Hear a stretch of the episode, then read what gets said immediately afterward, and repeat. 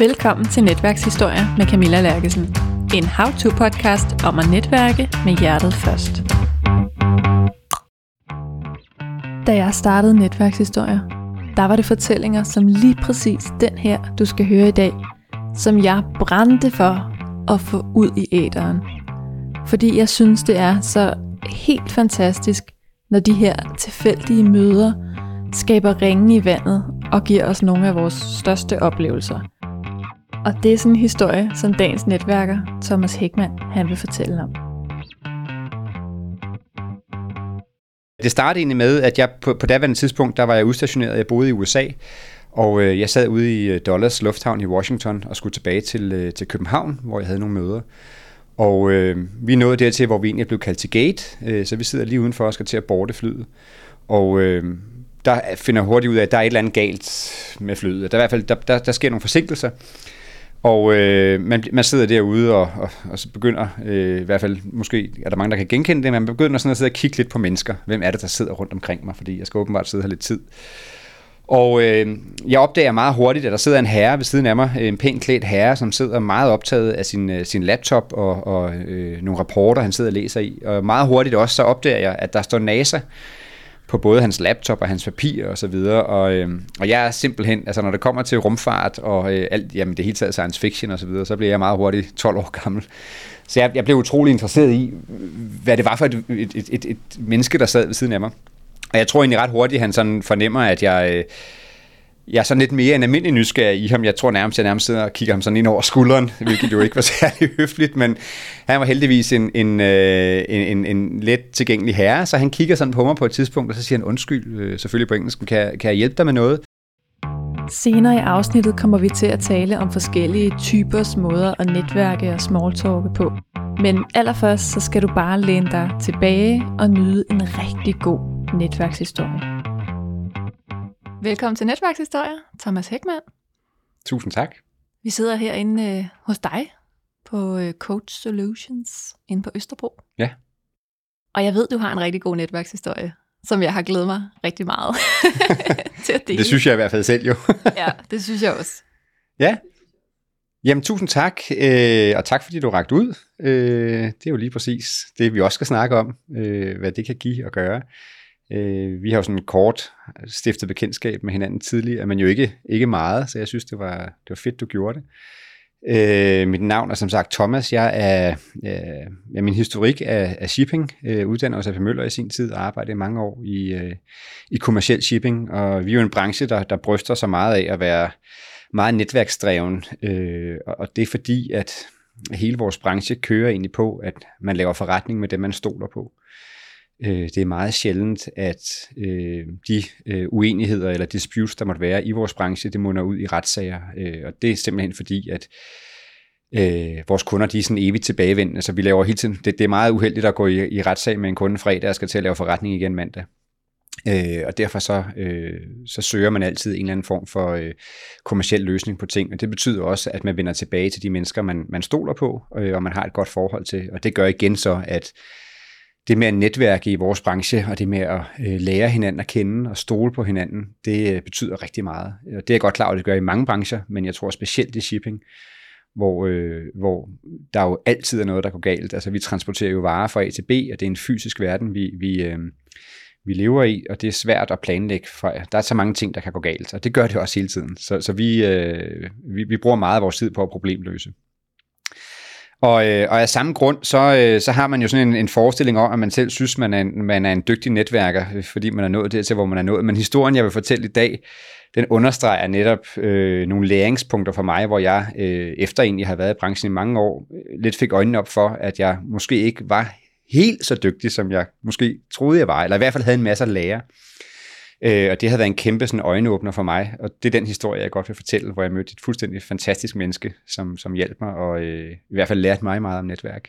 Ja. Øhm, så jeg ved ikke, skal jeg bare øh, ja, kaste mig ud i den? Du ja, starte med den. Jo, men det, øh, det startede egentlig med, at jeg på, på daværende tidspunkt, der var jeg udstationeret, jeg boede i USA, og øh, jeg sad ude i øh, Dulles Lufthavn i Washington og skulle tilbage til, øh, til København, hvor jeg havde nogle møder. Og øh, vi nåede dertil, hvor vi egentlig blev kaldt til gate, øh, så vi sidder lige udenfor og skal til at borte flyet. Og øh, der finder hurtigt ud af, at der er et eller andet galt med flyet. Der, er i hvert fald, der, der, der sker nogle forsinkelser, og øh, man, man sidder derude og, og, og så begynder, øh, i hvert fald måske er der mange, der kan genkende det, men man begynder sådan at sidde og kigge lidt på mennesker. Hvem er det, der sidder rundt omkring mig? Fordi jeg skal åbenbart sidde her lidt tid.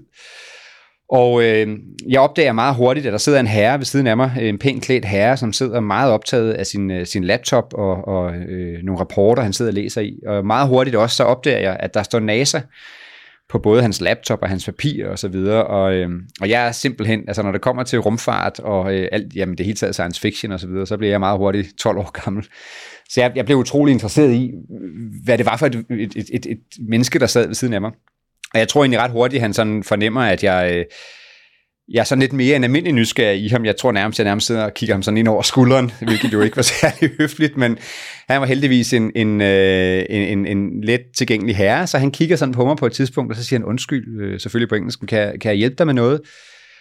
Og jeg bliver med det samme bliver sådan lidt flov faktisk, fordi at øh, det har ikke, altså jeg kan jo godt fornemme, at han har lagt mærke til, at jeg sidder og måske overbedlod ham lidt, og jeg, jeg undskylder, og siger, nej, det må du undskylde, men det var faktisk bare ren og skær interesse. Jeg kunne ikke undgå at lægge mærke til, at der står NASA over det hele. Øh, så siger han, ja, men han, han arbejdede som, øh, som space engineer på, på NASA og var involveret i, øh, i hele arbejdet omkring The International Space Station og opsendelse af de her øh, shuttles, øh, rumfærger fra, fra NASA. Det var dengang, det her det er en lidt ældre historie, den er tilbage fra, jeg tror det var i 10, så den har lidt over på banen. Det var dengang, at det stadig var NASA, der stod for det. Og øh, jeg bliver jo fuldstændig vild. Øh, jeg synes jo, det er jo en, en held, der sidder foran mig. Øh, jeg, jeg bliver sådan helt benovet. Øh, synes jo, det er fantastisk. Og, øh, og han begynder meget hurtigt at fortælle, han skulle til København, fordi han skulle ind og holde nogle øh, foredrag inde på planetariet faktisk. Og øh, han er simpelthen så sød, Ravi hedder han, øh, oprindeligt fra, øh, fra Indien, og øh, begynder at sidde og fortælle mig og øh, bruge sin tid på mig. Og meget hurtigt så får han givet mig en memory stick med, med tekniske data over øh, den her space station, og han får givet mig nogle klistermærker nogle rapporter og alt muligt andet, som jeg også suger til mig. Og det her fly, det skal lige sige, det bliver mere og mere forsinket, så vi begynder efterhånden at have siddet og talt noget tid, og øh, til sidst så siger han til mig, ved du hvad Thomas, det, det virker som om, du, du virkelig er interesseret, det er ikke bare høflighed, så hvorfor kommer du ikke ind og hører mit foredrag inde på planetariet? Og det måtte jeg desværre takke nej til, fordi at jeg havde jo som sagt en masse møder, og min kalender var fuldt booked, så, så det kunne jeg ikke. Så vi sidder og taler lidt videre. Øh, og vi sidder og taler lang tid, så jeg skal, jeg skal da være træt jer med hele den del af det. Men, men sådan long story short er, at til sidst, så siger Ravi her til mig, siger Thomas, ved du hvad, jeg kan, jeg kan virkelig fornemme, at det ligger dit hjerte nært, det her. Så nu giver jeg dig mit visitkort. Jeg kan ikke love dig noget, fordi der er en masse ting, der skal godkendes. Øh, men jeg vil godt prøve at se, om jeg kan, kan invitere dig ned på øh, NASA's facilitet nede i Florida til sådan en, en shuttle launch, altså hvor vi sender en af de her raketter op øh, som VIP-gæst, altså hvor du kommer helt ind på anlægget og sidder så tæt på, at du overhovedet kan komme. Øh, og øh, det, det, den oplevelse vil jeg godt se, om jeg kan give dig. Og jeg blev øh, altså det er jo fuldstændig vildt. Ja, altså det er jo, altså det er sådan en once in a lifetime opportunity. Altså vi snakker der, hvor øh, familien til astronauterne sidder og, og verdenspresse og så videre. Øhm, og nu ved jeg ikke, om man som dansker kan forholde sig til det, men det her, det er altså events, som når de sender de her raketter op, eller da de gjorde, der, der, der er folk, der er parkeret i deres autocamper ned ad Floridas kyst flere hundrede kilometer fra, fra centret, fordi du kan jo se det, når de sender den her kæmpe raket op, og det, det er virkelig noget, man går op i derovre. Mm. Så det, det, det, er, altså, det er big deal at få sådan en invitation her. Ikke? Ja, det er ikke og så bare, fra en, man lige har mødt i en Ja, en, en, en vild fremmed. Øhm, og, øh, og, og, og det skal så siges, nu, nu drager jeg et par pointer i historien, som, hvor jeg så kommer tilbage. Det skal siges, at det, det mundede ud i, at, at øh, jeg fik lov at tage min hustru med at jeg simpelthen, altså udover mit eget bryllup og fødslen af mine børn, så tror jeg faktisk, jeg vil sige, at det er den største oplevelse, jeg nogensinde har haft i mit liv. Det var fuldstændig vildt. Altså der rullede tårnet af kinderne på mig, da, da det hele det skete. Der skete også mange ting op til, det vil jeg ikke uh, trætte jer med nu i dag, men det, det var en fuldstændig fantastisk oplevelse, der kulminerede i den her raket, der, der blev sendt til himmels med lyden af, af, USA's nationalsang og Stars and Stripes og uh, live feed fra Houston Space Center og alt muligt. Altså det var virkelig altså, der var man der selv midt i action her. Ikke? Det var fuldstændig fantastisk.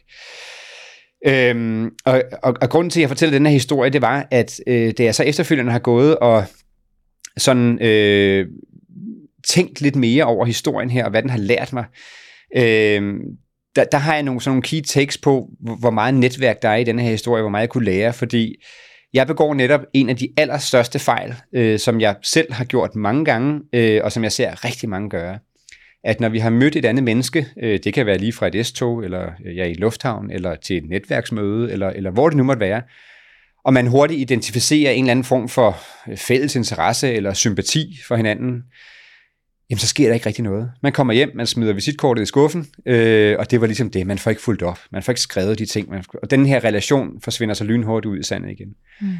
Øh, og jeg var ved at gøre nøjagtigt det samme. For da jeg kommer hjem, øh, jeg, for det første tager jeg jo til København, og vi har travlt, og jeg kommer tilbage. Jeg fortæller selvfølgelig min hustru om den her fantastiske mand, jeg har mødt. Øh, og hun bider mærke i det tilbud, som Ravi han giver mig. Øh, og hun finder så det visitkort, øh, fordi hun var overrasket mig til min fødselsdag, og tager fat i Ravi, som jeg så ikke har gjort, selvom jeg egentlig havde, havde lovet ham, jeg ville gøre det. Og hun får arrangeret alt det her. Og Ravi, hvis, altså, han er mere end glad for at hjælpe. Han siger, hvor er det dog fantastisk, at du rækker ud, og hvor er det sødt af dig, og så videre. Og han får arrangeret alt det her. Og så det var sådan den første læring. Altså tænk, hvis ikke, jeg havde, hvis ikke hun havde gjort det for mig, så var jeg gået glip af en af mit livs største oplevelser. Simpelthen bare fordi, at jeg ikke lige får fuldt op på den her nye relation, som jo i virkeligheden stod med udstrakte arme og siger, jeg vil godt hjælpe dig. Du skal bare sige til. Ja. Hvorfor tror du, du ikke sagde til? Jamen altså, jeg tror, det var lidt en, øh, en kombination sådan af, af vane, og så tror jeg måske også, der ligger lidt det her med i dansk kultur med, at, at vi måske også, det kan jeg godt selv være tilbøjelig til, sådan lige in the spur of the moment, så kan man godt sige, at du kan bare skrive til mig. Men i virkeligheden vil jeg nok blive sådan lidt, synes det er lidt træls, for folk så går efterfølgende. Ikke? Så, altså, man er høflig, ja. sådan lige på overfladen, men altså, øh, gider man alligevel ikke? Og det tror jeg sådan ligger lidt i din baghoved, for han tænker, hvor er det dog sødt, at han, at han spørger. Men jeg sad jo også nærmest på skuldrene af ham. det er lufthavnen, så selvfølgelig har han vel har han vel bedt om, eller tilbudt at hjælpe, men mente han det nu i virkeligheden? Kan jeg egentlig tillade mig at skrive til ham? Og hvad sker der nu, hvis, hvis han ikke har lyst alligevel, og er påtrængende, eller... Og den tror jeg faktisk egentlig, der er mange af os, der rører i. Ja, jo, han sagde det, men, men mente han det egentlig? Eller er jeg nu i virkeligheden påtrængende, hvis jeg tillader mig at spørge? Øh, og der må jeg jo bare sande, og det er nok også en kulturting, altså hvor han, han har boet i USA i mange år, og i høj grad øh, domineret af amerikansk kultur, hvor jeg tror i langt højere grad, de er, er villige til at hjælpe fremmede. Ikke at vi i Danmark ikke er, er gode til at hjælpe hinanden, men der ligger altså noget kultur der. Ja, helt klart. Og, øh, og det, det, øh, jamen det fik jeg bare ikke gjort. Og det tror jeg, du, hvis du spørger mange det samme spørgsmål, hvorfor tog du ikke fat i vedkommende? Jamen det ved jeg ikke. Det, altså, jeg fik ikke lige taget mig sammen. Jeg fik ikke lige gjort det. Jeg, jeg havde egentlig også tænkt mig at gøre det. Jeg fik lige lagt visitkortet i skuffen, du ved, og så var der mange andre ting. Så startede hverdagen igen, og så var der andre ting. Og så, ja, det fik jeg sgu ikke. Jeg ved ikke hvorfor. Ja. Altså, helt og jo længere tid der går, jo sværere bliver Ja, jo mere øh, underligt bliver det. Ikke? Ja. Øh, så det var sådan den første læring, øh, det her med, når man fornemmer, at der er nogen, som har tilbudt at hjælpe, jamen, så følg dog op på det. Eller det kan også meget vel være at følge op, hvis du selv kan hjælpe. Øh, altså hvis du selv har mødt et menneske, som, hvor du har, har, har kunne sande, at vedkommende har haft interesse i noget, du har lavet, jamen så får du lige sendt den mail med, her der er et link til den artikel, jeg fortalte dig om, eller her der er den her boligforening, jeg fortalte om, hvor du kan skrive dine børn op, hvis de har svært ved at finde en... en altså, uanset hvad det måtte være, et eller andet lille øh, gesture, der gør, at du kan hjælpe folk bare på e-, et minut. Din, altså få nu fuldt op, få nu øh, taget fat i de her mennesker igen og hjælp. Fordi det, der jo så sker, det er, i det Ravi, han skaffer den her oplevelse for mig, så skaber han jo samtidig, og det har aldrig været hans hensigt, det er jeg fuldstændig sikker på, men han får jo lige pludselig et individ i sit netværk, øh, mig, som vil gøre alt for at hjælpe ham, hvis Ravi nogensinde skulle stå i en situation, hvor jeg kan tilbyde noget. Og der tror jeg også, at vi meget i Danmark er tilbøjelige til lige at skue folk sådan på overfladen. Har du noget, som jeg har brug for? Er du i samme branche, som jeg er? Er der et eller andet, jeg kan bruge dig til? Og så, nej, det er der ikke. Og så sorterer, så sorterer du folk fra. Og der glemmer vi bare, at alle mennesker, eller kender jo også andre mennesker. Og jeg kan næsten ikke forestille mig nogen i mit øh, PFR-netværk, som ikke kan hjælpe mig med et eller andet, eller som kender nogen, der kan hjælpe mig. Og der tror jeg, vi er hurtigt til at sortere folk fra. Og sådan var Ravi slet ikke. Altså han, var ikke, altså han sagde bare, der er en mand, der kan, jeg kan hjælpe, og så hjælper jeg ham. Men samtidig så husker han jo, hvem jeg er. Og det er jo der, han er dygtig netværker, og egentlig sådan lidt strategisk, og det er på ingen måde usympatisk, selvom der er mange, der ikke kan lide det ord.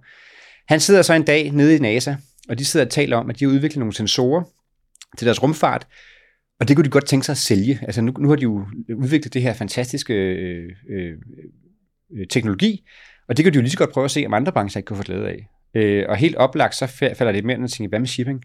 Altså sådan en tracking sensor, det må der kunne bruges i for eksempel containerfart. Sæt en lille bitte tracker på en container, og så kan kunden se, hvor din container er, øh, sådan real time. Ja. Det må da være noget, der kunne bruges i logistikindustrien.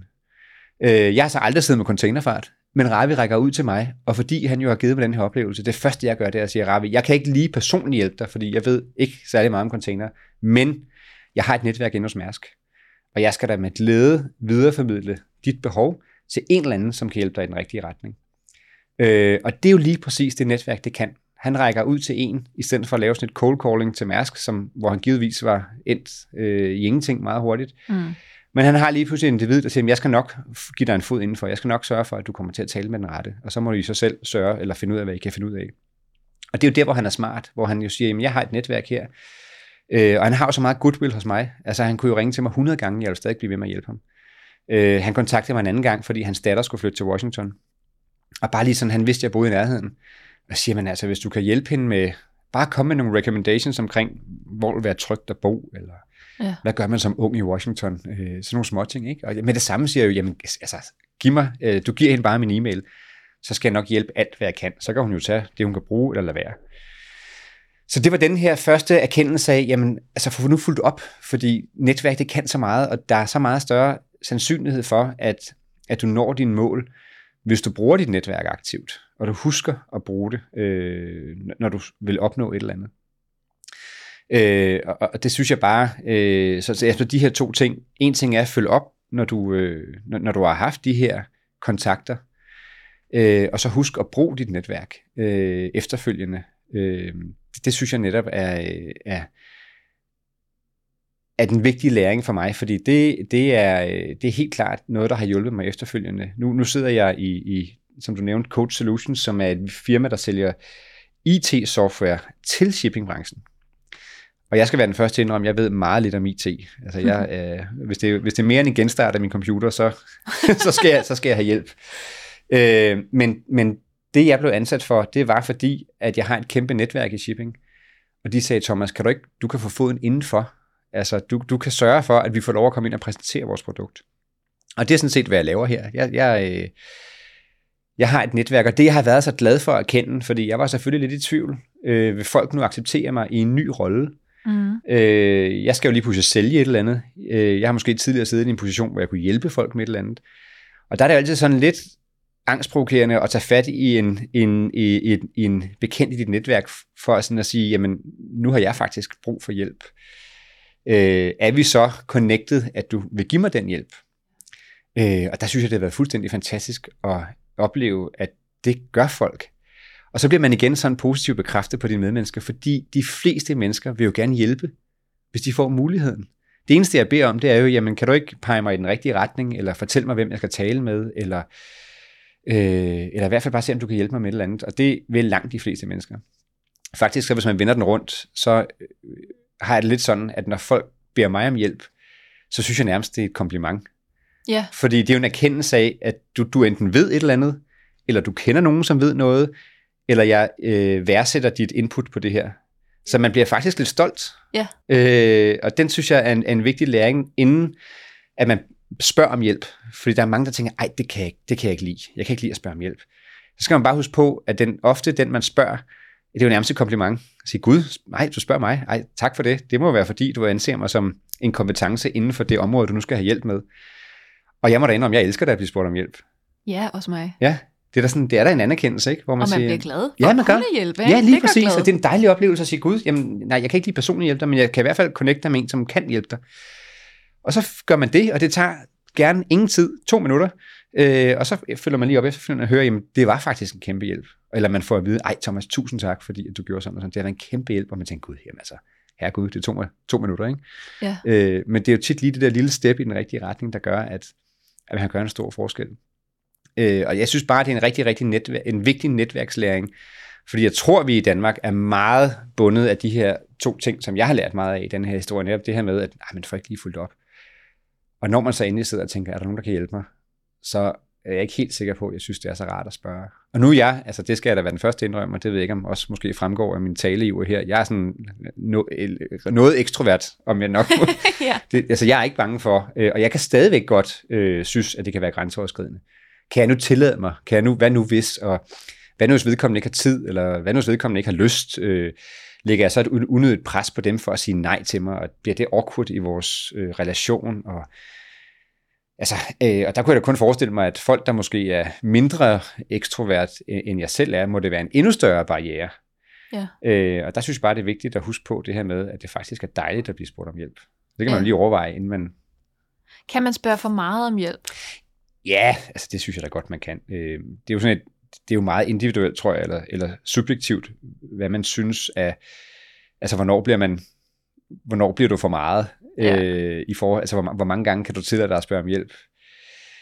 Og jeg synes jo, det er, øh, det er et rigtig godt spørgsmål. Og jeg, altså det eneste, man kan, det eneste, jeg bruger, det er sådan mit, mit indre barometer på øh, sådan min øh, situationsfornemmelse. Altså, altså man må lige, man må lige øh, kigge indad og tænke, jamen, hvad kræver det af vedkommende, jeg spørger om hjælp til? Altså, kan jeg, ja. kan jeg tillade mig, øh, altså, der, jeg vil jo aldrig gå ud og, og spørge dig, Camilla, om du vil komme med hjem i, i sommerhus i weekenden og hjælpe mig med at male mit hus. altså, altså, det er sådan en ting, ej, det er for meget, ikke? Altså, hvorfor, hvorfor i verden skulle Camilla give det? Hvorfor skulle hun sætte en hel weekend af for at komme hjem og hjælpe mig med at male? Øh, det, det, her, altså, det, det har du ingen grund til. Det vil være mærkeligt. Øh, men jeg vil derimod aldrig have problemer med at spørge dig to-tre gange, hvis nu, at jeg kunne se, at jamen Camilla, jeg kan lige se dit netværk, at du kender Torleif, eller, eller hvem du nu måtte kende, et eller andet. Øh, jeg, jeg kunne godt tænke mig at snakke med vedkommende. Kan du ikke lige formidle en kontakt? Mm. Jeg vil jo vide, det tager jo ikke noget. Altså, det vil jo være lidt for dig lige at yeah. skrive en one-line og sige, by the way, jeg snakker med Thomas, prøv lige at tage en snak. Ikke? Ja. Så der vil jeg ikke have noget problem med at række ud en to-tre gange. Nej, fordi nogle gange så tænker jeg, ej, jeg vil elske, hvis det var sådan hver anden gang, at ja, man spurgte ja, hinanden. Ikke? Ja. Men hvis den anden nu ikke lige har noget, de skal bruge hjælp til. Præcis. Men der synes jeg bare nogle gange, at man det her med, at det oplever der, altså jeg bruger LinkedIn meget, og det, det er der sikkert mange, der gør. Og, øh, og jeg oplever ofte, at folk de øh, adder mig uden, øh, altså uden jeg egentlig er klar over, hvorfor. Øh, Øh, det er jo, altså jeg synes selv, det er lidt, lidt pudsigt, at man gør det. Jeg gør det aldrig selv. Jeg skriver gerne, medmindre det er oplagt, at jeg lige har mødt vedkommende, ja, ja. og man har stået og haft en snak, så, så, så, så synes jeg ikke, det er nødvendigt. Men, men øh, ellers så skriver jeg gerne et eller andet, at, at jeg kan se, at du arbejder inden for samme branche. Jeg vil rigtig gerne connecte, fordi at jeg synes, du skriver nogle fede ting, eller hvad det nu måtte være. Øh, men jeg vender den også altid rundt og siger, at hvis folk connecter med mig, Øh, med mindre jeg fornemmer det bare sådan en klik, klik, klik, klik, klik for at få så mange connections som overhovedet muligt. Med mindre jeg øh, fornemmer det, så tænker jeg jo, jamen det er jo lidt et kompliment. Der er nogen, der rent faktisk ja. gerne vil have mig på deres LinkedIn-netværk. Og så skriver jeg altid selv tilbage, så som, tusind tak for din invitation. Øh, du må endelig sige til, hvis der er noget, jeg kan hjælpe med, eller hvis der er nogen i mit, mit netværk, du har interesse i, så skal jeg nok se, om jeg kan formidle en kontakt. Så jeg tænker, så længe man selv er åben over for at give hjælp, så er det jo op til dem selv at spørge. Altså jeg kan jo kun tilbyde, og når ja. jeg er aktiv den der siger, at, jeg, at I, I må gerne spørge mig, så kan man jo ikke gøre så meget mere. Nej, det er det. Øh, og så synes jeg bare, så, så, øh, så længe folk ved, at de kan komme til mig, så vil jeg ikke have noget problem med at spørge tre gange, uden at, selvom jeg er fuldstændig enig med dig, altså det, det, altså det er jo sådan lidt den der, man har jo, man har jo vel altid sådan et indre regnskab, ikke? Men, det er svært ikke at have det. Ja, men det er jo lidt ligesom, når man går ud, og hvis man skal ud og have en drink sammen. Ikke? Altså hvis jeg sidder og betalt tre gange, og du aldrig tilbyder at betale, ja. så på et eller andet tidspunkt, så ophører min velvilje for at være den glade giver. Ja, så, så, så lige pludselig, så kigger mit barometer ind og siger, ah, nu synes jeg nok, du også bør tilbyde noget, hvis den her relation skal være lige på en eller anden måde. Ikke? Og sådan er det jo måske også nogle gange med tjenester. Ja. Hvis det er en, der bliver ved med at spørge, men man så oplever, at vedkommende ikke vil give, når man selv spørger. Øh, men, men det er jo sådan en meget individuel ting, og, øhm, og, øh, og jeg tænker, at øh, det værste, der kan ske ved at spørge, det er jo, at man får et høfligt nej. Ja, ja, det er jo det. Øhm, altså. Jo, og nogle gange så, øh, nogle gange kan jeg godt grine lidt af mig selv, fordi jeg er jo også, åh, regnskabet der, ikke? Ja. Nu sad jeg og scrollede tilbage i vores beskeder, for at se, sådan, hvornår var det egentlig, vi talte sammen sidst? Og så blev jeg helt, oh, der spurgte jeg dig om noget. så nu er det mig igen. og når jeg så ser realistisk på det, sådan, ja, yeah, okay, men det er så også tre år siden sidst, så det er måske okay. Fuldstændig. altså måske man ikke for meget, hvis man hver tredje år. Nej, slet ikke. Altså, og igen, når du rækker ud til mig, altså jeg bliver jo, jeg bliver jo sådan lidt stolt. Og jeg, jeg ser jo, at, at så går jeg jo ind og kigger på, at vi har ikke rigtig øh, fulgt hinanden i, i lang tid. Det er jo, Nej, det, er jo, det er jo nogle år siden. Og med det samme, så skal Gud vide, det der sker med Camilla. Jeg går ind og kigger og siger, ej, hvor fedt, du er, noget, du er kommet rigtig godt i gang med podcast og så videre. Og så spørger du, om jeg vil være med. Og det første, jeg tænker, Gud, du, altså, det, der, det, det, der, ja, det synes jeg i hvert fald, det er en kado. Camilla må mene, at jeg har noget fornuftigt, der kan bidrage til din podcast. Det er jeg da super glad for. Så jeg sidder med det samme og tænker, jamen hvis jeg har tid, så vil jeg da med glæde deltage. Ja. Så jeg, jeg tager det jo som en, jeg er da godt klar over, at, at du synes, at jeg gør dig en tjeneste, men samtidig er det da også noget, jeg selv synes er både sjovt, og jeg er da glad for at blive spurgt. Øh, så det er jo sådan en, jeg, jeg føler jo ikke, du har trukket på vores netværkskonto nu. Nej, altså, okay. Hvis du Jamen, det var Ja, men det er jo sådan lidt, jeg føler ikke, at, at du har lukreret på vores øh, netværkskapital. Altså. Øh. Og jeg synes nogle gange, jeg har sådan min egen lille model, som man lige kan kigge ind i, hvis man er i tvivl, om man kan tillade sig at spørge. Og der er tre parter, man kan tjekke ind med. Man kan tjekke ind med, hvad der er i det for mig. Og det er jo det, folk nogle gange kan være bange for. Åh, oh, altså, skal jeg lukrere på andre mennesker? Så kan man tjekke ind i, hvad der er i det for dig. Det kunne godt være, hvis du lige havde øh, skrevet en bog og tænkt, det der, den vil jeg gerne have ud, eller jeg vil ja. gerne lige have, lad os da snakke lidt om Coach Solutions, eller Ja. hvad ved jeg. Og så er der noget i det, i det her tilfælde for lytterne. Og der kan jeg finde en tryghed i at sige, det er faktisk ikke kun for min skyld det her. Nej. Fordi der sidder nogle mennesker derude, som jeg ved Ja. kan lukrere på din historie. Ja, ja. Jamen, det er jo netop det, jeg også, altså nu, øh, jeg, jeg synes, det er en super god idé, og det er jo også det, jeg føler, at et, et netværk som LinkedIn kan. Altså, du kan bruge det til at formidle viden, som du ved, dit netværk får glæde af. Øhm, og som du siger, så synes jeg, jeg synes ikke, at det nogle gange gør noget, at man også har en lille skjult agenda en gang imellem. Som du selv siger, det kunne, altså, det skal, jeg er da glad for, at, at Coach Solutions navnet bliver nævnt. Det kan der være nogen, der sidder derude og lytter på og siger, gud, software til shipping, øh, optimeringsværktøj osv. Det, og det, det er noget helt andet. Det var slet ikke derfor, jeg hørte den her podcast, men jeg kunne da lige tjekke ud, hvad det er. Ja. Altså det, det kan, eller hvis, som du selv siger, hvis jeg havde skrevet en bog, eller øh, hvis jeg holdt, jeg holder også foredrag en gang imellem, Ja. øh, så kan det være, at man lige går ind og tjekker min profil ud, og så kan det da være, der opstår et eller andet den vej igennem. Ikke? Det synes jeg godt, man må have for øje. Jeg tænker, jamen hvis jeg nu gør det her, for, øh, så kommer det lytterne til gode, det kommer dig til gode, øh, men det kan da også godt være, at hvis jeg er heldig, og det skal ikke være min, min hovedmotivationsfaktor, men hvis jeg er heldig, så kan det da godt være, der falder noget af på den anden vej også. Ikke? Jo. Øh, og det, det, synes jeg er helt, det synes jeg er helt fair. Og, øh, Og det er jo det fedeste, ja. hvis der er alle tre Ja. hjørner er med. Ja. Ja. Og, hvis, og hvis man kun kan opfylde de to, så synes jeg, det er også øh, grund nok til at spørge. Ja. Altså, jeg vil da aldrig sidde efterfølgende om to måneder, og så lave status på det her og sige, jamen hvis ikke der er nogen, der er sådan målbart, hvis ikke jeg har fået noget ud af det, så synes jeg, det var en dårlig oplevelse. Nej. Sådan, sådan vil det jo aldrig være, vel? Øh, så nej, slet ikke. Men jeg er helt enig. Så hvis man nu godt kunne tænke sig at blive lidt bedre til det der netværk, hvad kunne man så gøre?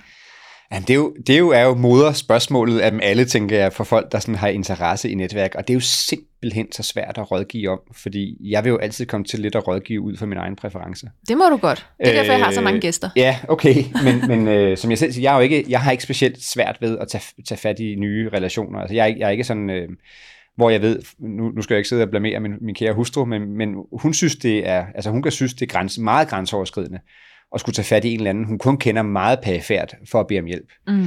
Øh, og, og det har jeg det sådan lidt, der, der skal man jo lige følge efter med sig selv, hvad, øh, hvor er man henne i det, fordi man skal, jeg tror det er vigtigt, at man ikke begår vold på sine egne præferencer, fordi så kan det godt gå hen og blive en ubehagelig oplevelse. Altså hvis du virkelig skal sidde og suge luft ind, fordi nu har du hørt podcast øh, med dig, og så nu har du fået et råd omkring, du skal bare gøre sådan og sådan. Mm. Så jeg synes, det er rigtig vigtigt, at man er tro over for, hvem man er. Øh, fordi jeg tror også, og det er du jo et vanvittigt godt eksempel på, at det her med, at ekstroverte er bedre netværker end introverte, og sådan noget, det, er, altså, det er det værste vrøvl øh, nogensinde. Ja. Det er bare et spørgsmål om, at man skal være øh, opmærksom på, hvem man er, og så bruge de styrker, man har. Øh. Men, men mit råd, det er netop at prøve en gang imellem at øh, filosofere en lille smule over de oplevelser, man har. Altså min NASA-historie, det kunne jo meget vel have været bare en oplevelse, jeg havde haft, hvis ikke det var fordi, at jeg beskæftigede mig med netværk, at jeg sådan gik ind og, og filosoferede lidt over, jamen, hvad kan jeg selv lære af denne her historie? Hvad oplever jeg, ham Ravi er god til? Øh, og det, jeg lige bruger sådan, sætter mig ned over en kop kaffe og tænker over de her ting, det gør jo, at jeg, jeg erkendte nogle områder, jeg kunne forbedre mig selv på. Sådan forholdsvis lavt hængende frugter, hvor jeg sådan kunne sige, "Jamen, for helvede Thomas, undskyld sproget, du skal være meget bedre til at følge op. Du er simpelthen så dårlig til alle de her med, at jeg samler og kontakter ind left, right and center, fordi jeg er jo netop typen, der står til en reception og får 50 visitkort, fordi jeg har ikke noget problem med at snakke Gud og hver mand. Og så tager jeg de der 50 visitkort, og så høvler jeg dem ned i skuffen, og så, så, så, øh, så gør jeg ikke meget mere ved det. Efter den her oplevelse, der er jeg sådan begyndt på, hvis jeg lige er for mig selv et øjeblik til en reception, så skynder jeg mig lige på visitkortet at skrive tre-fire stikord. Hvad, var det, Henrik han fortalte mig? Ja. Når han var, øh, det kan jeg godt se på visitkortet, at han er advokat, men han har speciel interesse i øh, maritim jura. Øh, han har to børn på 5 og 3. Øh, han sådan og sådan. Øh, så bare lige når jeg kommer tilbage, så, ah, du ved, yes, det var det. Og det, gud ja, det var ham, det var Henrik og jeg, der snakkede om det her med, at vi godt kunne lide at gå på øh, vildmarksture i Sverige. Øh, og han skulle også ud med sine børn her til sommer. Jeg sender ham skulle lige et link til et eller andet, eller han skulle ud og købe et nyt telt. Og jeg har lige købt et nyt telt. Øh, jeg sender ham lige øh, i hvert fald et råd til, hvad jeg har overvejet. Et eller andet, ikke? Altså, mm der, har jeg, der har jeg været sådan meget bevidst om at sige, prøv lige at følge op med de her ting. Og det er jo sådan noget, jeg har lært af, af den der oplevelse, fordi jeg filosoferer lidt over den. Og så et andet råd, det er det her med, at jeg tror, det er okay, at man en gang imellem bare prøver at skubbe sin comfort zone. Ja. Altså finde ud af, hvor er min comfort zone, øh, og så bare lige, hvis man nu synes, det er rigtig ubehageligt at henvende sig til en fremmed til en reception, for eksempel, så prøv måske bare med en Altså så bare sæt dig et mål for at sige, jeg skal i hvert fald bare lige have et visitkort for en, jeg ikke kender. Hvis man er typen, der er tryggest ved at stå og tale med de mennesker, som man allerede i forvejen kender, øh, så prøv bare lige en gang at sige, jeg skal, jeg skal ikke have 50 visitkort hjem. Jeg skal bare have et med hjem. Ja. Øh, og så analysere på den oplevelse. Var det en dårlig oplevelse? Eller var det virkelig så skidt, som jeg frygtede, det skulle være? Altså, øh, det kan godt være, at jeg fik lidt koldsved i hænderne, når jeg, da jeg gjorde det, men måske det endte med en rigtig, rigtig behagelig samtale, eller øh, en, et interessant menneske, der nu lige pludselig er en del af ens, i hvert fald perifære netværk. Og så tror jeg, hvis man så, tror jeg, at det er jo så min antagelse, men der tror jeg oftest meget folk, folk vil opleve, at nej, det var faktisk en fed oplevelse. Det var slet ikke så slemt, som man troede. Folk vil gerne. Og man står netop til receptionen for at tale med mennesker. Og det kan meget vel være, at det vedkommende, man så taler til os, var bange for at række ud og tænke, ej, hvor er det dog dejligt, der er en, der kommer over og taler til mig. Ja, præcis. Ja, øh, det skal man jo altid huske lige at kigge for den anden også. Ikke? Og, øh, og, og, og så når man så filosoferer over de her ting og siger, nej, det var sgu ikke så slemt. Så, så tyk lidt på det og fordøj det og sige, ved du hvad, jeg kan godt det her. Altså, jeg kan godt henvende mig til folk. Jeg har prøvet det før, det gik godt. Næste gang, så tager jeg to. Og det gik godt. Altså, så hele tiden, at man sådan går og, og, og, og tænker over det her med netværk. Fordi det er sådan en levende ting, og, øh, og hvis ikke, og jeg tror sådan er det også med alt andet. Øh, hvis, ikke man, hvis ikke du aktivt træffer nogle valg eller overvejer, hvad det er, man laver, så bliver du aldrig bedre. Mm. Fordi så gør man ting ud fra vane, og sådan blindt øh, ud fra, hvad ens egen præferencer er, og sådan ud fra, jamen, hvad vi plejer at gøre. Vi er jo vanemennesker. Ja. Og hvis ikke man tænker over det, jamen, så bliver du ikke bedre. Så, man, ryk, så rykker du dig ikke. Men er jo, mennesker er jo sådan nogle meget energibesparende væsener, ikke? Ja. Så hvis ikke man aktivt tænker, jeg skal lige gøre det her, Præcis. Så tænker vi, uh, så gør jeg så lidt som muligt, fordi jeg har rigeligt i kalenderen. Ja, Jamen, nu har jeg, altså nu, jeg synes, din vinkel på det er super spændende, og nu har jeg jo, så har jeg været inde og læst nogle af de artikler, du har skrevet. Jeg, øh, jeg synes, det er super godt. Jeg sidst var inde og læste den, du lavede om støj i København, omkring Tivoli og Ja. fredagsrock og så videre. For øvrigt super godt skrevet. Øh, men jeg synes jo, det er interessant, at du, du gør jo lige præcis det. Altså, du øh, reflekterer jo over, hvem du er som menneske. Du har erkendt, at du betegner dig selv som værende introvert. Men så bruger du jo det aktivt og siger, jamen det er jeg, og det er også cool. Det kan jeg godt. Men hvordan kan jeg så bruge det, og hvordan kan jeg arbejde med det? Og du er jo fuldstændig fantastisk til at arbejde med netværk. Øh, og jo et, et levende eksempel på, at det at være introvert, det er overhovedet ikke nogen øh, showstopper for at være en dygtig netværker. Nej, præcis. Øhm, og, og, og det er jo det, jeg synes, der er interessant. Altså, det er sådan mit, mit største råd til folk. Det er sådan, kig lidt indad. Hvem er man som menneske? Erkend det. Og accepter det. Du skal ikke øve vold på dig selv. Altså, man skal ikke øh, prøve at være en anden, end man er. Men brug de styrker, man har, øh, og så lige skub grænserne en gang imellem. Ja. En af mine grænser, jeg, altså jeg skal for eksempel huske mig selv på at holde kæft. altså når jeg er ude, ikke? jeg skal sige til mig selv, Thomas, prøv lige at høre på, altså når du, du henvender dig til en. Ikke? Og jeg taler tit, fordi så, sådan i mit optik, hvis jeg taler meget til mennesker, så er det nærmest sådan en, en øh, altså så, så er det positivt, fordi jeg siger til indirekte til personen, at jeg er interesseret i dig. Jeg ved dig godt. Øh, jeg gider bruge min tid på at tale med dig. Hvorimod øh, sådan helt øh, ubevidst, så tænker jeg, jamen hvis jeg ikke sagde noget, så kan jeg være, øh, risikere at insinuere, at jeg ikke gider mennesket. Men det gør nogle gange, at jeg kommer til at tale lidt for meget, tror jeg. Fordi altså, nu vil jeg godt vise interesse, og så får jeg slet ikke lagt mærke til, at der står måske et individ over for mig, som ikke har fået sagt særlig meget, og måske jeg lige skulle lytte lidt på, hvad vedkommende har at sige. Det er sådan, jeg virkelig arbejder meget med selv. Og det er jo mega spændende at, at kigge på hinandens motivation, ikke? Ja, Og ligesom du siger her, hvis jeg ikke sagde noget, så ville det indikere, at jeg ikke var interesseret. Ja. Og man risikerer også, der står I på den anden side og siger, Nå, gud, han er, han er slet ikke interesseret i mig. nej, præcis. Eller var han dog selvcentreret? Han har altså ikke spurgt ind til, hvad laver jeg? Han har bare stået og snakket om sig selv. Ikke?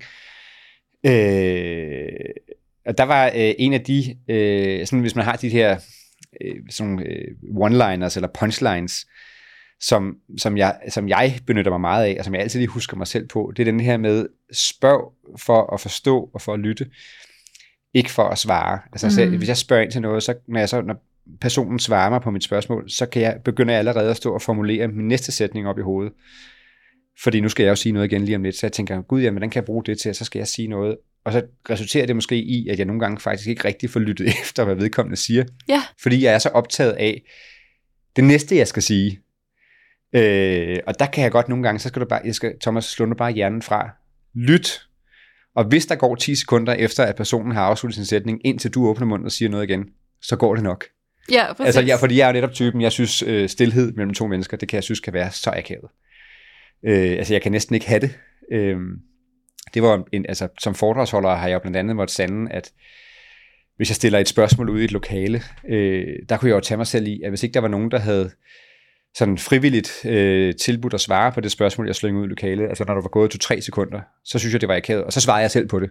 Eller, eller videre. Altså, det vil sige, de her mennesker, der sad og tykkede på mine spørgsmål, og egentlig måske overvejede, hvad skal jeg, det er et godt spørgsmål, hvad skal jeg svare? De fik slet ikke mulighed for det, fordi så havde jeg allerede overfuset dem med et eller andet. Øh, og der var en, der sagde til mig en dag, prøv lige at tælle til 10 inden dig selv. Det kan godt være, du synes, det virker fuldstændig vanvittigt lang tid, 10 sekunder. Jeg vil love dig for, at næsten altid inden for de 10 sekunder, så lige når når du rammer 8 og 9, så er der en eller anden, der rækker hånden op, eller en eller anden, der siger noget. Ja. Og det måtte jeg jo bare sande var rigtigt. Ja. så, så det var det der med, ups, måske man lige skulle give folk lov til at tykke på, hvad det var. Det er jo i virkeligheden måske bare et spørgsmål om, at de tænker på, hvad det var, man spurgte dem om. Ja. I stedet for bare at svare et eller andet ud af den blå luft, som jeg måske godt selv kan være lidt tilbøjelig til nogle Ja. gange. Jeg oplever også, når jeg så som super introvert er i en samtale, der dels så skal jeg lige være sikker på, at du er færdig. Så der venter jeg lige et øjeblik. Og så skal jeg lige, hvad var det nu, jeg skulle til at sige? Så formulerer jeg nogle gange lige første sætning ind i hovedet, helt per automatik. Og den tid, det tager mig at være sikker på, at du er færdig, og at jeg når at gå i gang, så når jeg kun til, øh, og så er den anden side af ordet igen, fordi, Ja, ja, nå, du havde ikke noget at sige, jeg tager den. Nej, jamen, jeg er tager rigtigt. til den. Ja, det er rigtigt. Og det er, Mega spændende. Ja, og det er det allersværeste. Altså selv, øh, jeg beskæftiger mig med de her ting, og er jo, går utrolig meget op i, jeg synes det er super spændende, det her med personprofiler, og hvem er Ja. vi som mennesker. Øhm, og jeg tror, vi indeholder så meget mere, end hvad man lige kan putte ind i de her. Men, men stadigvæk, så øh, giver det nogle pointers i forhold til, at man nogle gange lige skal huske på. Og igen, så tror jeg ikke, der, der er ikke nogen, der gør noget for at være egoistiske. Eller, det er meget menneskeligt og naturligt, at man gør ting for at tilfredsstille sine egne præferencer. Ja, Altså det er helt naturligt. fuldstændig. Så hvis jeg godt kan lide at tale og tænker, at jamen, det er det rareste, så per automatik gør jeg ud fra, at det kan andre folk også. Sådan helt i hvert fald på, på, øh, på, øh, på hvad hedder det, øh, urhjernen derinde. Ikke? Ja. Men det kan være meget sundt lige en gang imellem, sådan lige bare at tænke på, det er ikke alle, der synes, det er rart. Øh, måske man også lige skulle overveje det, og dermed øve lidt vold på mine egne præferencer, for at give plads til andre. Ikke? Jo. Øh, og der kommer næsten altid noget godt ud af det. Det er jo derfor, jeg synes, det er så spændende at tale om, fordi man begynder at få øje på, gud, der er nogle andre, der har et andet behov her. Ja. Jamen, og det er jo interessant, fordi typisk de mennesker, man sådan ved første øjekast, eller ved første kontakt, kan synes, du, jeg tror, vi alle sammen kender det her med, at åh, her, ham eller hende er død irriterende, Ja. eller var de dog belastende, eller et eller andet. Ikke? Og der tror jeg meget hurtigt, at med sande, at de mennesker, man har det sådan med, det er mennesker, der er sådan diametral modsætning til sine egne præferencer. Øhm, øh, fordi der, der sker noget i connection mellem os, hvor at vi, du tilfredsstiller ikke mine, altså du står, jeg, jeg har lige afsluttet min sætning, og så kan jeg, du siger ikke noget til mig, du står sådan og kigger, og det tolker jeg måske som, "Ej, jeg gider ikke rigtig at snakke med Thomas. Men i virkeligheden, så står du og gør dig umage for at komme ja. i gang, ikke? Og, og det, det fanger jeg ikke, fordi det var ikke sådan, jeg vil gribe det an. Og så tænker jeg, "Ej, men jeg, kan, bare- jeg ved ikke lige, hvad det er, men med hende der Camilla, vi klikkede bare ikke lige i samtalen, fordi jeg sgu ikke lige sætte en finger på det, men jeg synes bare ikke, at vores samtale, den gled særlig flydende. Mm. Øh, og så kan jeg meget hurtigt komme til at sortere dig fra. Og i virkeligheden, så er det måske bare et spørgsmål om, jamen, du ligger over i den lidt mere introverte del, og jeg ligger i den ekstroverte. Det er simpelthen bare et spørgsmål om, at vi, man bare lige skal give hinanden plads. Og, og, og derfor så, hver gang jeg oplever, at jeg finder et menneske irriterende, og det må jeg da indrømme, det kender tror jeg, vi alle sammen kender, man gør, så prøver jeg at tænke på, det er meget få mennesker, hvis nogen overhovedet, der gør noget for at irritere andre. Altså man gør det jo for- i bund og grund for at tilfredsstille ens egen præferencer. Det er der, man, har, man føler sig tryg. Og når jeg når den erkendelse, så tænker jeg, gud, jamen vedkommende gør jo ikke noget for at irritere mig. Du står jo ikke og ikke siger noget, fordi at du ved, at det synes jeg er ubehageligt, eller jeg ikke kan lide. Altså i virkeligheden, så prøver du jo bare at finde tryghed i dig selv. Og den her med, at du er irriterende, det er jo virkelig et label, jeg presser ned over hovedet på dig. Bare fordi du tilfældigvis ikke lige gør, som jeg plejer at gøre, eller som jeg har lyst til. Og efter jeg begynder at tænke sådan, så må jeg indrømme, at mængden af irriterende mennesker, jeg oplever, øh, de er meget færre. fordi Ja. man, man bliver sgu automatisk lidt mere rund og åben. Og man siger, nej, de er sgu ikke irriterende. De er anderledes. Øh, og det er også helt okay. Øh, de gør tingene på en anden måde, og det skal de sgu også have lov til. Ja. Øh, og det er nok også, når man bliver ældre og mere rund med, med, med alderen, var jeg ved at sige, og man får børn og alt muligt andet. Ikke? Men, men øh, det er meget sjældent, føler jeg nu, at jeg møder mennesker, som jeg synes er irriterende. Øh, og det, det, øh, øh, ja, det skulle da lige være, hvis en, der snakker mere end mig, så ikke jeg får noget af taletid. men men øh, nej, men, men, den der erkendelse af, at vi er forskellige, det skal man bare lige huske på, så, øh, så tror jeg, man når langt. Og det tror jeg er ret vigtigt i netværk, fordi Altså nu, nu øh, altså hele snakken omkring diversitet er jo ekstremt øh, relevant lige nu, øh, og man snakker om hvor, hvor vigtigt det er, at man får flere kvinder ind på arbejdspladser, teams. Og, det, og nu hele den her debat er jo ikke kun et, en debat omkring kvinder og mænd. Det kan jo lige så meget være omkring øh, kultur, altså fra et geografisk synspunkt, eller fra præferencer, altså et, et hvert salgsteam. En hver moderne salgschef vil erkende, at jeg skal ikke have 10 øh, ekstroverte supersælgere, øh, der sidder derude. Altså, vi skal have et divers team. Vi skal også have ham sælgeren, der kan samle op på det øh, detaljeorienterede, som laver de her øh, Excel-ark, som fuldt op på de her PowerPoint-præsentationer, som har lyst og synes, det er sjovt at lave de her ting, sådan så vi kan supplere hinanden. Fordi vi alle sammen kan noget forskelligt, og hvis man bringer de ting sammen til et team og formår at bruge hinandens kompetencer og styrker, jamen så står vi meget stærkere, end hvis vi bare har en pulje af folk, der ender med at sidde og rygklappe hinanden, fordi vi alle sammen synes, vi er så fede, fordi vi ligner hinanden, Ja. men vi rykker sgu ikke rigtig noget.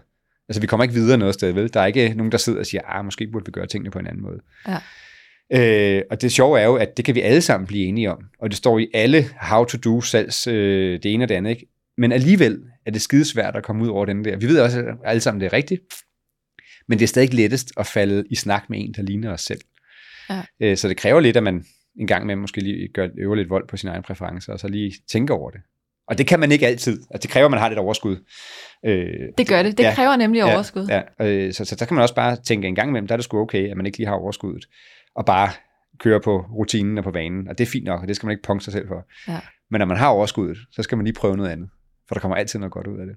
Jeg hørte et rigtig sjovt eksempel på det der med forskellige typer i en podcast, der hedder Mod til indsigt og udvikling. Siger jeg lige øh, højt og tydeligt, så folk kan gå ind og lytte, når jeg nu napper den derfra. Der er den her virksomhed, som er en meget kreativ virksomhed, og de øh, løber rigtig stærkt, de er rigtig travlt, men de tjener ikke så mange penge. Og det kan de ikke forstå. Så kommer den her erhvervscoach, Carsten Holsted, ind. Og han øh, laver sådan en øh, diskanalyse af virksomheden og alle medarbejderne, og, og det han ligesom kan forstå på samtalerne, det er, at de er travlt, fordi de aldrig ligesom får, får papirarbejdet i orden. Det er aldrig helt klart, hvad kunderne vil have, og de skal ligesom lave det om, og hvad koster det at rescope sådan et projekt.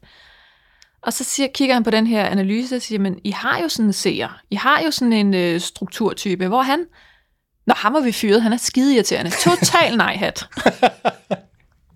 Ja, men det, jamen, det er jo fuldstændig spot on.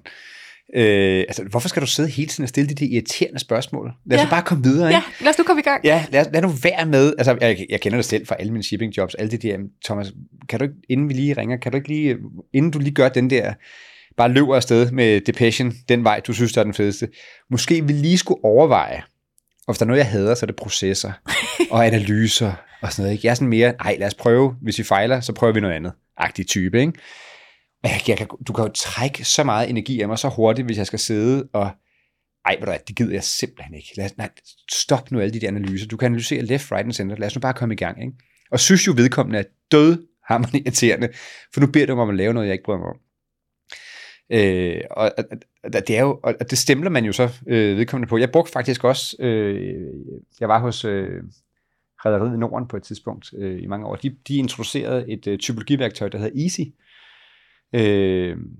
og øh, fuldstændig fantastisk. Det minder meget om disk. Mm. Øh, ikke at jeg, hvis nu der sidder nogen fra øh, Master Danmark, tror jeg, det hedder der også. Det er jo ikke for at øh, sige, at de har... Men altså, det, det er to similar værktøjer, hvis, ja. hvis der er nogen, der ved, hvad disk er. Så, og øh, Easy, det er det her med, at man ligesom bruger nogle persontyper til i en let fordøjelig måde at forklare folk, jamen, hvor ligger dine, dine præferencer, og, og, øh, og hvor ligger din motivation.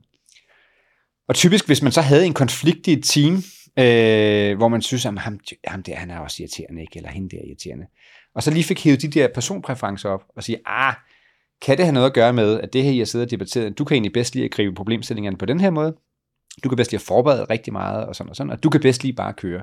Er det måske i virkeligheden ikke det, der er problemet? Det er ikke fordi, at nogen af jer er irriterende, eller prøver at øh, lave forhindringer for den anden i deres arbejde, eller noget som helst andet. I prøver i virkeligheden bare at gøre jeres arbejde ud fra de præferencer, I selv besidder, og sørge Ja. for at gøre et godt stykke arbejde. Det har slet ikke noget at gøre med, at I prøver at spænde ben for hinanden. Det er det, man oplever, hvis ikke man overvejer det. at sige, "Hvor- Hvorfor skal du hele tiden blive ved med at, at, at, at, at fortælle, du ved godt, jeg ikke kan lide at lave de her analyser, ikke? Og der er det jo netop det, at hvis man formår at indkapsle de her ting, ham seeren, du fortalte om, der blev fyret, hvis nu i virkeligheden, det var noget, han godt kunne lide, og noget, der interesserede ham, sæt ham til at lave den slags opgaver. Ja. Så får du i forvejen, øh, så har du i ovenikøbet sådan en win-win med, at vedkommende får lov at lave nogle opgaver, der interesserer dem, som løser opgaven for virksomheden, øh, som erkender og siger, at vi vil gerne gøre det her, jamen, så brug det her værktøj, jeg har til her. Ikke? Altså, Og det er jo derfor, diversitet kan nogle ting, men det kræver jo, at man anerkender det og, og bruger det aktivt, fordi ellers så skaber det bare frustration, hvis du sidder i et team på fem mennesker, hvor man er vidt forskellige, og ikke, ikke er øh, sådan, øh, åbenlyst opmærksom på det, så vil man bare føle, at folk sidder og bokser i hver sin retning. Ja, præcis. Ja. Og jeg faktisk, øh, apropos den der Easy, den, øh, det var også en, du præsenterede mig for, ja. for flere år siden. Ja, ja. Og jeg har gået, nu har jeg sådan min egen lille netværksmodel, men som er udsprunget lidt af inspiration fra Easy, ja. og det er blevet lidt min egen tese. Så jeg har ikke øh, sådan, øh, hvad hedder det, og ikke undersøgt den på øh, universitets øh, akademisk måde. Men hvis vi nu har det her spektrum, der hedder introvert og ekstrovert, og så tillægger det spektrum, der hedder objektorienteret eller opgavefokuseret versus relationsorienteret, yes. så tror jeg simpelthen, der er nogle mennesker, der netværker for relation, og nogle mennesker, der netværker for information. Ja. Og de her mennesker, de clasher. Og jeg tror typisk, det er, hvis du er både introvert og opgavefokuseret, ikke? især hvis du er opgavefokuseret. Så når jeg smalltalker, så lytter jeg efter, hvad hedder dine børn? Hvad laver du til daglig? Hvad kan du bruge fra mig? Hvad kan det her føre til? Jeg lytter efter information. Ja. Og hvis du er meget ekstrovert og relationsorienteret, så netværker og smalltalker du for relation. Ikke? Kan jo. jeg mærke dig? Ja. Har vi ja. connection? Så er du sgu ligeglad med, hvad, lige hvad dine der. børn hedder. Ja. ja, ja og det, ved du hvad, det er sjovt, du siger det, fordi sådan har jeg egentlig aldrig rigtig tænkt over det. Og du, du, jeg tror, du rammer fuldstændig spot on. Øh, fordi jeg bliver altid punket af min hustru for, at jeg aldrig kan huske, hvad folks børn hedder, og så videre. Ja. Og det, så kan det være sådan, har du slet ikke vist interesse i folk? Jeg, jeg står netop og bliver sådan helt stødt på manchetterne, for sådan, hvad mener du? Jeg synes da i der højeste grad, jeg har vist interesse. Jeg har været der for vedkommende, jeg har stået og prøvet at skabe den her relation. Jeg tror, du, altså jeg, jeg er fuldstændig enig. Og det minder mig faktisk om en oplevelse, jeg havde, hvor jeg, der var en gammel bekendt, der rakte ud til mig. Øh, og sådan, skal vi ikke tage ud og tage en kop kaffe? Og det vi så mødes efter nogle år, øh, et vedkommende, jeg har sådan, du ved, virkelig meget respekt for, og det første vedkommende så spørger mig om, det er et informationsdrevet spørgsmål. Altså det, jamen, I har de her skibe, I har lavet sådan og sådan, I har lavet en handel med det og det og det. Og jeg tænker, gud, er det bare derfor, han har inviteret mig ud? Er han i virkeligheden slet ikke interesseret i mig? Jeg blev sådan helt ked af det. Ja. Øh, gud, jeg troede, vi skulle have en kop kaffe, fordi vi skulle dyrke vores relation, eller vi skulle catch up, og så videre. Og han er jo egentlig, øh, han søger noget information, og det, den vil han gerne have tilfredsstillet, ligesom det første. Det skal lige ud. Jeg vil gerne lige, det her vil jeg gerne vide. Det vil jeg gerne have ud af vores møde i dag. Nemlig. Jeg skal lige det her information, ikke? Og det ender ud i, at jeg virkelig sådan nærmest distancerer mig fra vedkommende, og, og tænker, ej, det var, da, det var da nærmest på grænsen til, til at være uforskammet, tænker jeg, ikke? Hvor var det dog øh, ubehøvlet at bede mig om at, at komme ud, og så i virkeligheden skulle du bare have det her information. Du kunne da bare have skrevet en e-mail. Jeg håbede, vi skulle sidde og hygge os. Øh, og det, det tror jeg, at du har fuldstændig ret. Og han, vedkommende har jo ikke været ude på at støde mig, eller fornærme mig, eller noget som helst andet. Han har bare haft nogle andre præferencer. Ja. Han har alligevel netværket lidt for noget information. Og jeg har øh, en ekskæreste, hvor vi nemlig også clashede på den der, hvor han var super relationel. Så når vi mødtes, så havde jeg behov for, okay, nu skal rammerne lige på plads. Ikke? Meget opgavefokuseret. Vi skal have kaffe, så skal vi sidde inde i stuen, og når vi har kaffe og sidder inde i stuen, så kan vi snakke. Ja. Altså, vi skal lige det der vejen. Ja, ja. Ligesom ham der. Jeg skal lige spørge om det her, Ja, så kan ja. vi snakke. Og han er sådan helt, jamen, jeg kan slet ikke, altså gider du lige stoppe op, og hvordan har du det, og hvordan var din dag? Og jeg tænkte, vi kan ikke stå her over kaffen ude i køkkenet og, Nej, nej. og, og snakke Rammerne om, skal lige være... jeg skal lige, vi Ja. skal lige på plads. Og han var sådan, jeg kan ikke fokusere på at lave kaffe, før jeg lige kan mærke dig. Nej, nej. Hvor er du? Ja. Nej, det tror jeg, du har fuldstændig ret i. Øhm, og det er død interessant. Og det er derfor, grund, altså det jeg bruger den her easy-model til, jeg prøver at have den op i hovedet, så når jeg møder mennesker, hvor jeg kan mærke, ah, der er et eller andet, som, altså man kan jo lynhurtigt mærke det. Altså hvad er det, man siger, man har dannet sig et indtryk af folk inden for, er det syv sekunder? Ja, jeg tror, det er sådan syv, man ja, sådan siger. så jeg kan ikke lige huske, om det er syv eller seks, eller hvad det er. I hvert fald meget, meget, meget hurtigt er vi, til, er, vi, er vi faktisk villige til som mennesker at svare på meget intime spørgsmål om, en, om et andet menneske, på trods af, at du lige har mødt. Altså, vi er ekstremt forudindtaget. Og det er vi alle, øh, uanset om du er introvert, ekstrovert, eller vi er lynhurtigt til at danne os et billede af, når ham her er sådan der, og hende der er sådan der. Fordi vi sætter nemlig folk i bokse. Det fungerer godt i vores hjerne, ikke? Hende der, hun passer ind herover, og ham her, han passer ind der. Og lynhurtigt kan vi også fornemme, er der et eller andet, er der noget kemi i det her? Ikke? Nu ser man alle de der vanvittige datingprogrammer, der er i fjernsyn, hvor der er psykologer, der matcher folk left, right and center. Altså det der med, at alle siger, hvad søger du, i en, øh, hvad søger du efter i en partner? Jamen, der skal være det, der du kan mærke, den der kemi, der lige er, der opstår i det første møde. Og det er jo det, der er så interessant, ikke? fordi den der kemi, jamen, der- jeg er sgu ikke sikker på, at, at, at det nødvendigvis behøver at være lige inden for 5 sekunder. Det, man bare skal være opmærksom på, det er, hvis man mærker den her, ah, der er lige et eller andet, der, jeg kan ikke lige sætte en finger på, hvad det er, jeg kan bare mærke, der er ikke, at der er noget, der ikke er, som det skal være. Det er jo givetvis bare fordi, der er nogle præferencer, der strider imod hinanden. Ja. Øh, sådan lige, at du har behov for nogle faste rammer.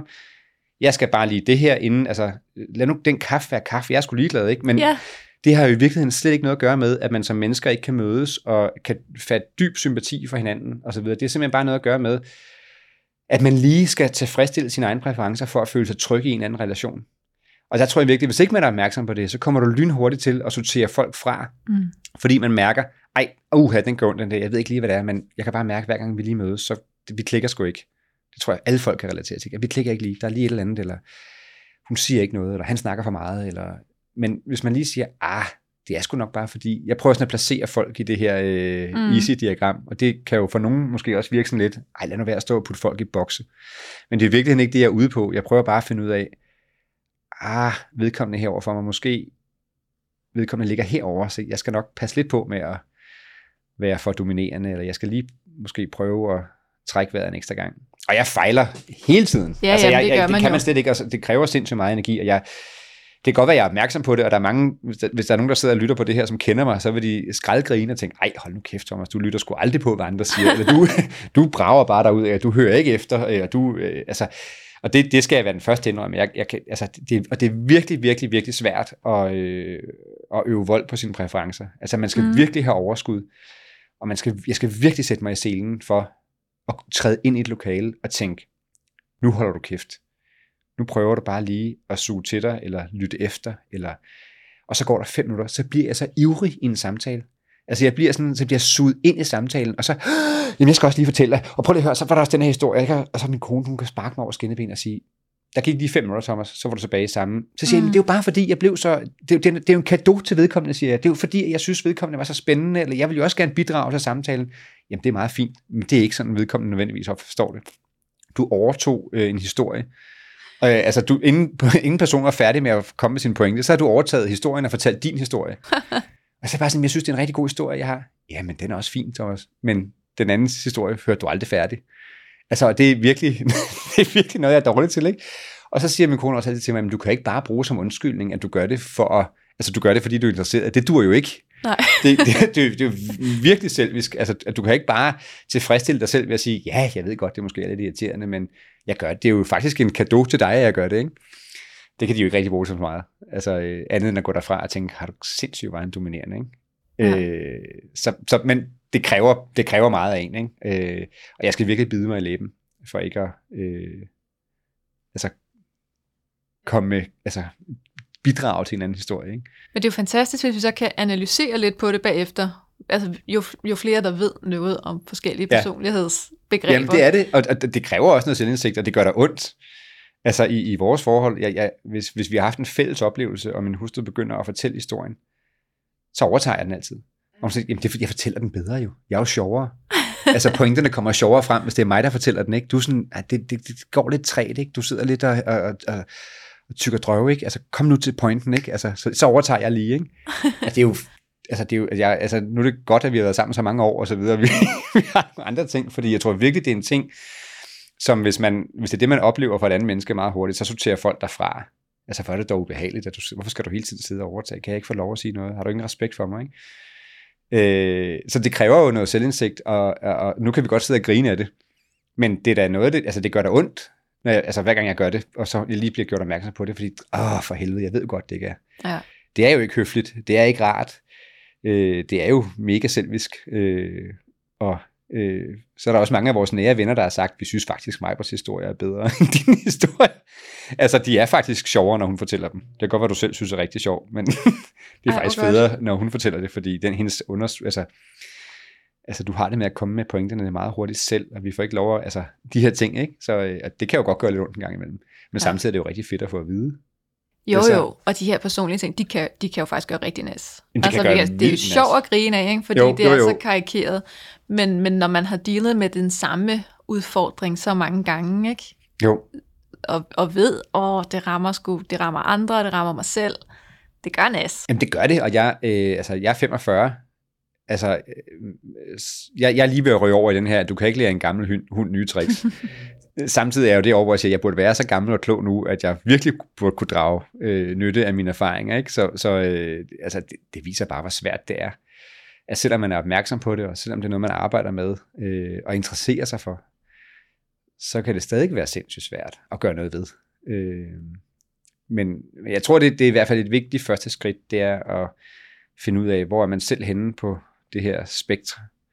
Øh, overveje, hvordan man agerer, når man er ude, og så prøve at sådan reflektere lidt over, om man måske skulle øve sig i at gøre noget lidt anderledes. Fordi ligesom at der er måske er nogle introverter, der skal øve sig i at gå hen og spørge en ny relation, så skulle jeg måske øve mig i at lade være at sus rundt til 50 relationer, og så bruge lidt mere tid på fem.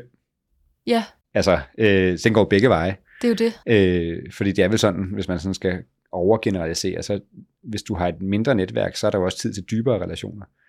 Hvorimod dem, der har rigtig mange relationer, eller, det, det bliver jo mere overfladisk. Altså, man kan jo ikke, du kan jo ikke dyrke mere end x antal relationer. Altså dagen har kun 24 timer i døgnet. Det er jo det. Så det skal man jo også huske på. Altså det kan godt være, at du ikke har så mange i dit netværk, men chancen for, at du kender dem dybere og bedre, og, og det er mennesker, der i langt højere grad vil hjælpe dig, hvis du rækker ud, den er jo nok meget større. Øh, det, det synes jeg bare er interessant. Ja, så det er sådan en helt ekstra netværksråd, vi lige kom ind på her, ikke? Ja, vi kan jo. lære af hinanden. ja.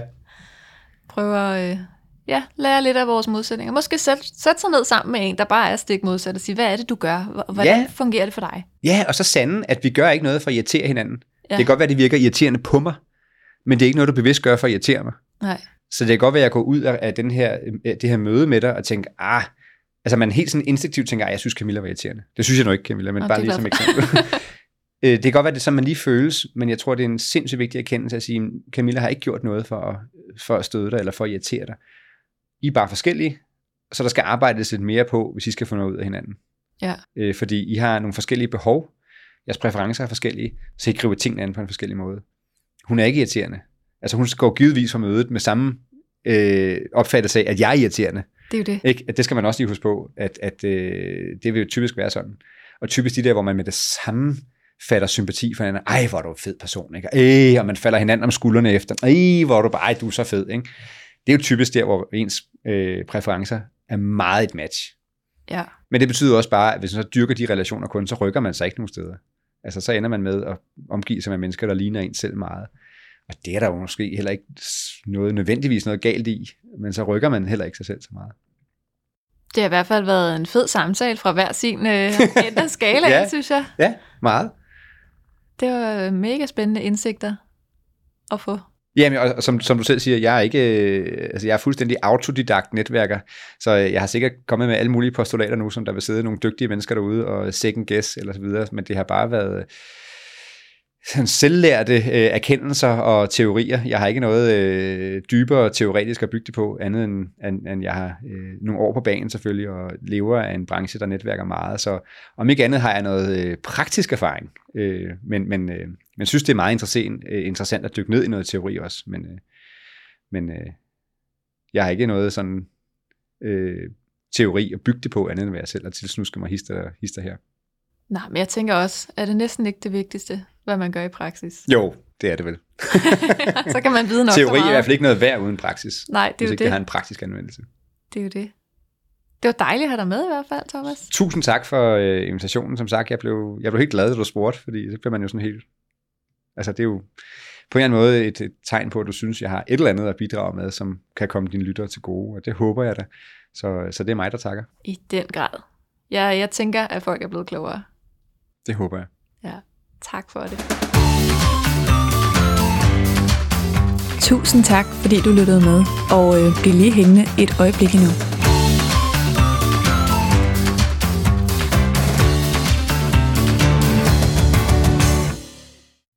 De faste lyttere har nok allerede opdaget det, at netværkshistorier udkommer lidt sjældnere her efter sommerferien.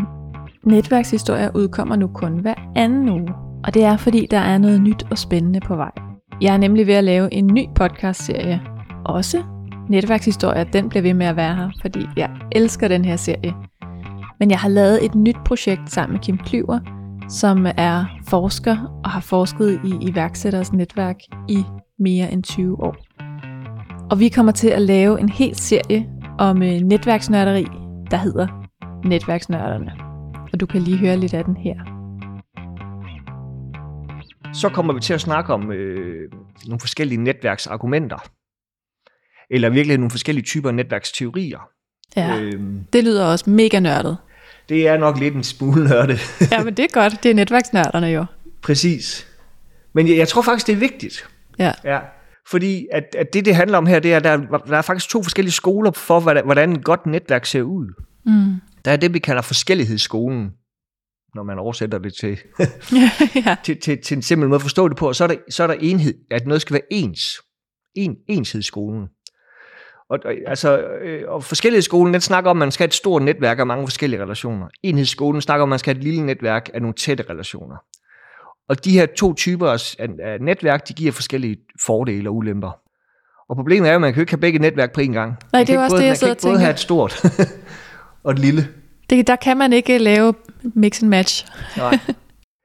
Og det er jo derfor, at netværk det bliver kompliceret. Øhm, fordi at man skal ligesom vælge en strategi, og den strategi, man vælger, den, den, den indeholder nogle fordele, men også nogle ulemper. Ja. Vælger man en anden strategi, så, så vender fortegnene. Ja, og så er det jo, at der er nogen, der allerede her ikke, begynder at tænke, oh, det der med at vælge, og så snævrer jeg mig ind, og måske bliver det også lidt kalkulerende, og hvor bliver det spontane og mellemmenneskelige af? Det er jo super spændende, ja. Altså, øh, da du spurgte mig, hvad jeg er for en netværkstype, det, det har jeg ikke svaret på. Og det, jeg tror måske lidt fordi, at jeg, jeg spekulerer ikke ret meget over, hvordan jeg netværker.